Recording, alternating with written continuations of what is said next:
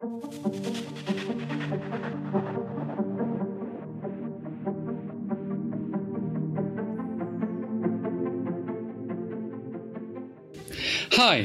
you are most welcome to Professor Podden. This is where you meet the newest professors at University West. My name is Ulf Axelsson, and in this episode, you will meet Americo Scotti, who works half time in Brazil and half time at University West. He's professor of welding technology.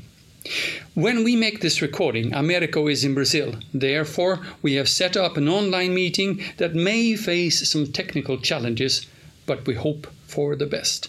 Hello and welcome, Americo. It's a genuine pleasure to have you as our guest. Uh, hello. Uh, thank you for this kindly and friendly introduction. And uh, I'm quite happy to be with you. And uh, I hope I will be able to give you answers to your questions. Thank you. I was thinking about beginning. You said something to me in the exact words 35 years ago, I fell in love with welding and I am still in love. Please tell us about that love story and what was the reason behind your devotion. yes, it, it, might sound like a love story, but I can assure you with a happy end. And since I was a kid, I used to be fascinated with constructions and the machines um, how they work, the mechanism, how they were manufactured. I was very, very enthusiastic about this. I was introduced to weld when I was 12, 13 maybe. I learned with a teacher how to manage the electrode and how to strike an arc. Wow, uh, much harder than I expected, even at that time. I can assure you that even today it's very, very hard. I envy a good welder who can manage it very easily. But um, uh, this is fantastic. And uh, to mend, to, to, to mend the metal parts is very, very interesting and necessary for the society. But when I was pursuing my bachelor degree in mechanical engineering, one of the course was about welding.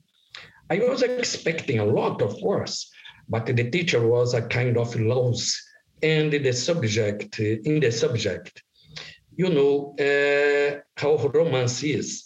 If everything goes right, the bell does not ring. In this case, the weld course was not like gasoline in a red charcoal. Poof, I was in love. Welding was probably better than that the teacher told me, or told us because we were in a class. After years working with welding, uh, uh, I can tell you that the bell is still ringing. Why have you chosen to work half time as professor of welding technology at University West in Sweden and the other half in your home country, Brazil? Uh, well, uh, welding was not uh, my only passion. In fact, it's not my only, only passion. I like discovering new places and face new challenges. For me, traveling is pure adrenaline, like a radical sports, but I don't, I don't play radical sports. And the, but I, I like to travel. When I was first uh, kindly invited to come to Sweden, for one year as a visiting professor, I did not think twice. I set uh, an early retirement in Brazil and I packed up. But it was a big challenge to move from tropical country and across the, the equator and end up close to the Arctic. Sweden is a kind of a mysterious place for Brazilians, I guess. After my first year, my colleagues Lars-Erik Svensson and Per Nylén suggested that I should stay longer.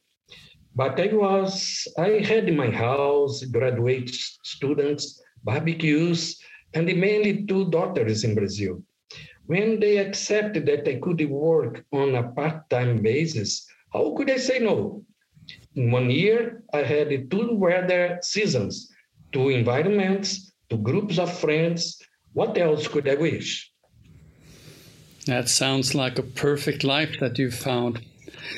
But Americo, there are several methods for welding. What made you choose to study arc welding instead of, for instance, laser or electron beam welding? Mm, I don't know really, but uh, that arc welding is ancient. is still more applicable process, and I feel more control over the process uh, like a horse-drawn coach driver in an old time in Far West videos. And the laser and the electro beam are a kind of a black box for me. It's a shame, but it is. Like a rocket going to the moon, the moon. There is a pilot, of course, but it looks like that who is really driving is sitting in a ground space station on Earth in arc welding, I can feel myself inside the arc. I imagine seeing what is going to happen. I can pretend that I have control of everything. That sounds really special. But but uh, for listeners who don't know what additive manufacturing is, can you please explain? Is it similar to 3D printing? Well, uh, I hope I know the answer. In fact, additive manufacture is a 3D printing process, yet printing metallic shapes instead of polymer or plastic. The main difference is that in metal printing, you need to melt the metal. And we build components layer by layer by melting steel powder or steel wires uh, there are several sources of heating, the most popular being laser, electro beam, and arc welding. What are the specific advantages of using additive manufacturing in combination with arc welding? Well, arc welding is much more accessible heat source, cheaper and simpler we can print a semi parts taking less time by using arc welding than any other process. But arc welding is not the only advantage. For instance, arc welding is not very suitable when fine geometrical tolerance are required, let's say better precision. Those additive manufacturing with arc, uh, with arc welding is more advantageous for middle and large size components. It is important to mention that the wire arc additive manufacturing, as we name additive manufacturing uh, made by arc welding, also has a solid social inclusion capacity. Small and medium companies can appear in, at different regions considering a relatively low investment. In what kinds of applications can arc welding additive manufacturing be of great advantage? Well, uh, in numerous cases of medium and large size components, I would say, uh, but with low requirement of dimensional precision. Uh, one can quickly print very complex parts directly from a drawing or even directly from a 3D scanner data. Uh, waiting time is radically reduced by industry and suppliers if we use arc welding. I can cite prototypes for instance, to build a part to test its functionality before taking to the regular production. Uh, we, we call it rapid prototype. Spare parts. Instead of buying very expensive spare parts and keeping them in store for an predictable time, they are simply ordered and manufactured and request when, when needed, of course. Small uh, um, additive manufactured parts can be served as large number of clients. I, I, don't need to have only big companies to produce. Hmm. And the short series production to replace, for instance, casting, forging, or machining. Interesting. But Americo, how eager is the industry as a whole to adopt additive manufacturing? Well, this is a very good point. Uh, the industry is, all e- is always eager to find economic means of production, of course, as long as they provide quality. Then additive manufacturing would be perfect. However, industry must be conservative. The production methods must have their adequacy demonstrated before using. They don't want to change what is working. Uh, one, one should never replace players when the team is winning. We agree? Uh, standards require many tests to have an acceptable criterion.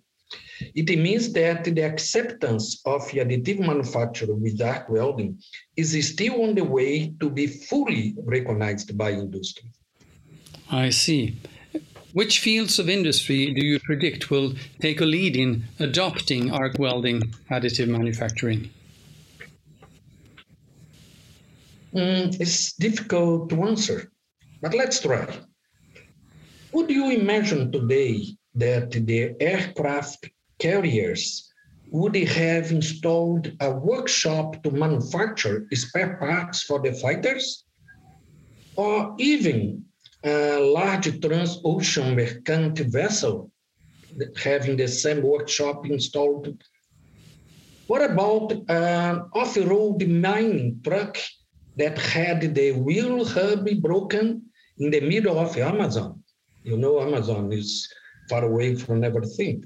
Mm-hmm. A vintage car spare part may be needed.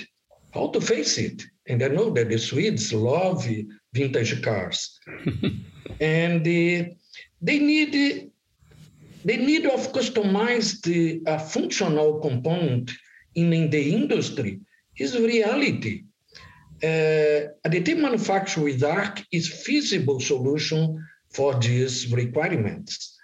Uh, additive manufacturing uh, with ARC is a solution also for latent need, need for spare parts at short notice. Assim, uh, why ARC additive manufacturer will be used in industry or service provider to manufacture parts that are not characterized as a serial production. We needed to remember that wire additive manufacturing has a strong appeal on environment aspect, which is a pressing concern for industry nowadays. There is very little uh, waste of material on the contrary of machining or casting, for instance.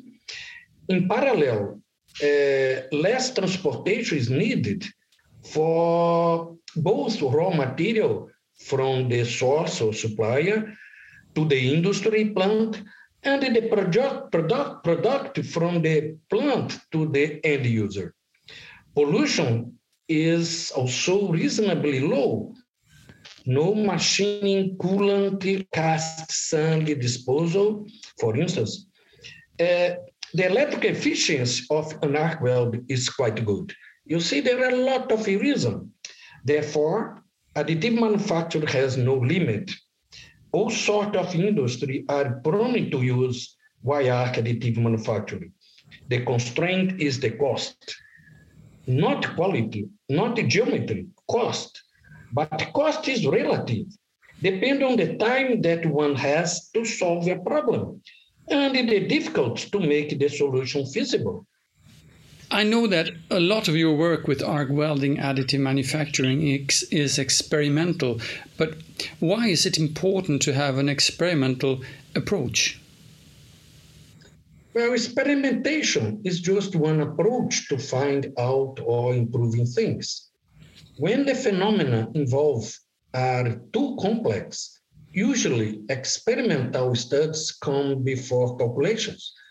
The complexity here meaning phenomena that are challenging to be calculated. For instance, the first cars were manufactured or manufactured on a trial and error basis at the back of a workshop. I would say that in the future, the simulation will play a more important role in additive manufacturing development. But this is my opinion. Because simulation can save the time of experimentation and, in special, make it easier to understand the rela- related phenomena.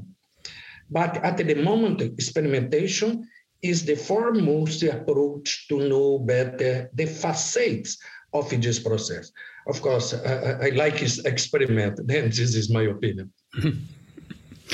well, I have one more question for you. Uh, would you say that we are at the beginning, in the middle, or at the end of the arc welding additive manufacturing era? Well, anything that I say will be a guess. Don't use it against me in a court, please. no, I promise. Uh, the future of a technology depends on a series of factors, such as economic, political, and environmental. It's not, it does not depend on, on, on me, on my decision. If I have to guess, we have moved from the start time line uh, or time. It's over now, but there is no sign for instance, another disrupt, another new technology to say the, that the end is getting close. The middle is very long road. Let's drive safely on this road to see where we get. Well, it's obvious that there are still some very interesting challenges to meet for you and for other people who work in this field of science. Thank you so much for sharing your ideas and knowledge, Americo. Thanks also to sound engineer Mikael Woleman, and thanks to you who have listened to this podcast. And remember that there are more professors to meet at Professor Podden. Bye bye.